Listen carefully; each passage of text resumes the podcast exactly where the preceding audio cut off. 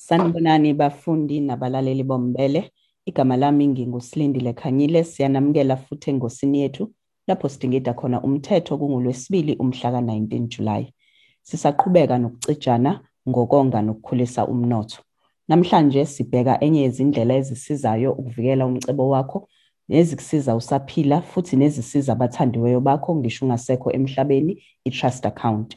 Ukhona ungoti wethu womthetho umnumzane wempumelelo zikalala wezikalala attorneys mnumzane zikalala siyakubingelela futhi siyakwamukela kumbele. Angikubingelele bese ngibingelela kakhulu ababukeli nabalaleli bombele. Mnumzane zikalala ibaluleke ngani i-trust account? Hmm.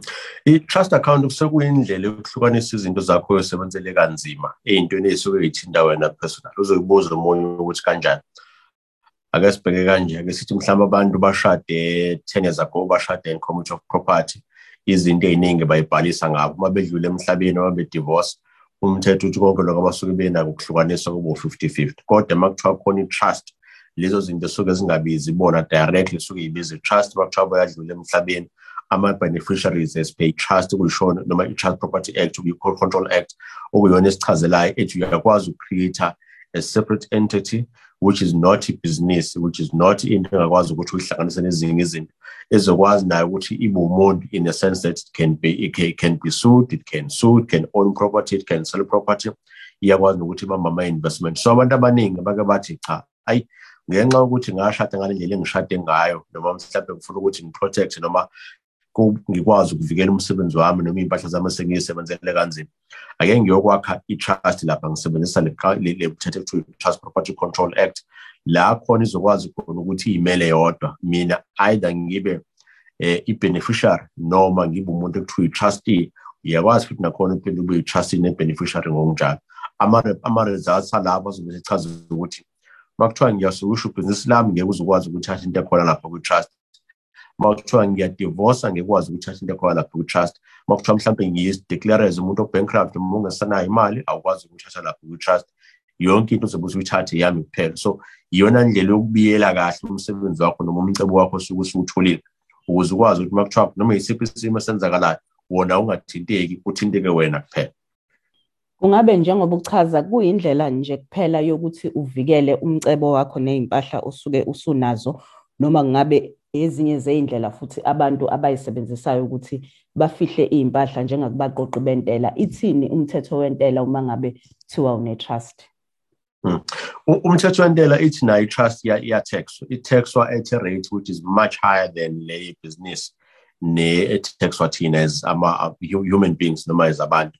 Yona bese taxwa kakhulu ngoba ngiyacabanga ukuthi uhulumeni wesuke understand ukuthi cha akuyena phela ngubani umuntu ongavele asukela enze trust. nje usuke azi ukuthi ukwenzelani lokho futhi usuke nomcebo uthanda ukuthi ube umkhudlwana so mozoyenza with the purpose noma injongo yokuthi cha wena ufuna ukuthi kube khona imali ongayikhokhi for intela.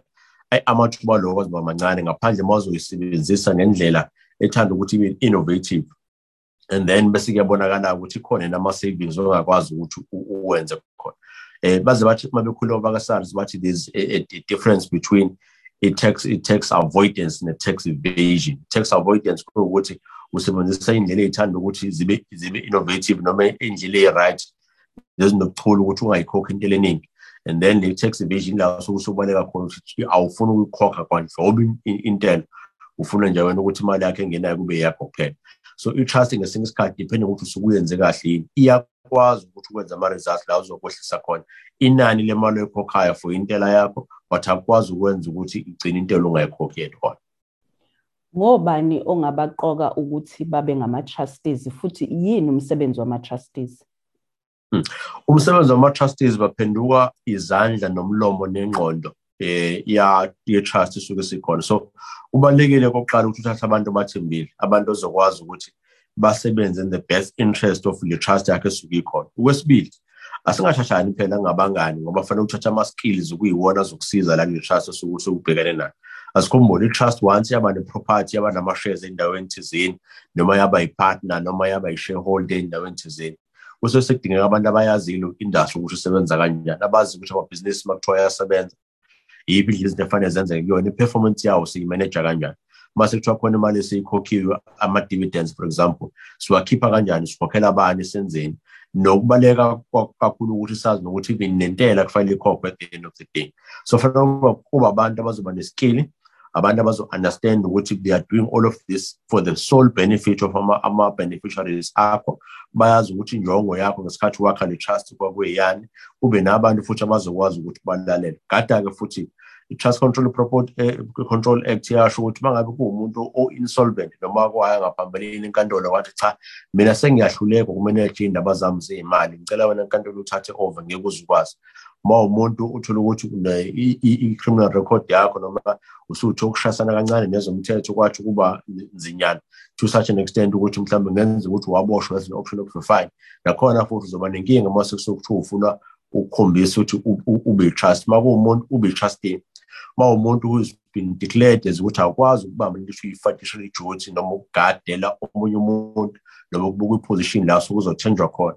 Gada futhi nakhona ukuthi uzokwazi ukungena ube yi-part of ama-trustees so kuqala kuwena wena msunguli we-trust la uzothi khona ake ngithathe abantu abaqotho. Hhayi ngobuqotho ngendlela abayiphethe ngayo kuphela even ne-education noma nama-skills abasuke bebhekane nawo bese ngithatha abantu abaziyo i-industry siyongena kuyona ukuthi bayokwenzani kahle kahle. And then ngizobe sengineshow ephelele ukuthi cha njengoba beka beba ama-trustees babe ingqondo umlomo nezandla zale trust engiyibekile.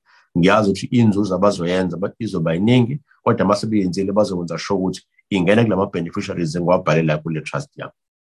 Mnumzane zikalala njenganjalo siyabonga kakhulu ngesikhathi sakho. Kubonga mina kakhulu nibe nosuku oluhle lowo bekungumnumzane umpumelelo zikalala wezikalala attorneys siyabonga.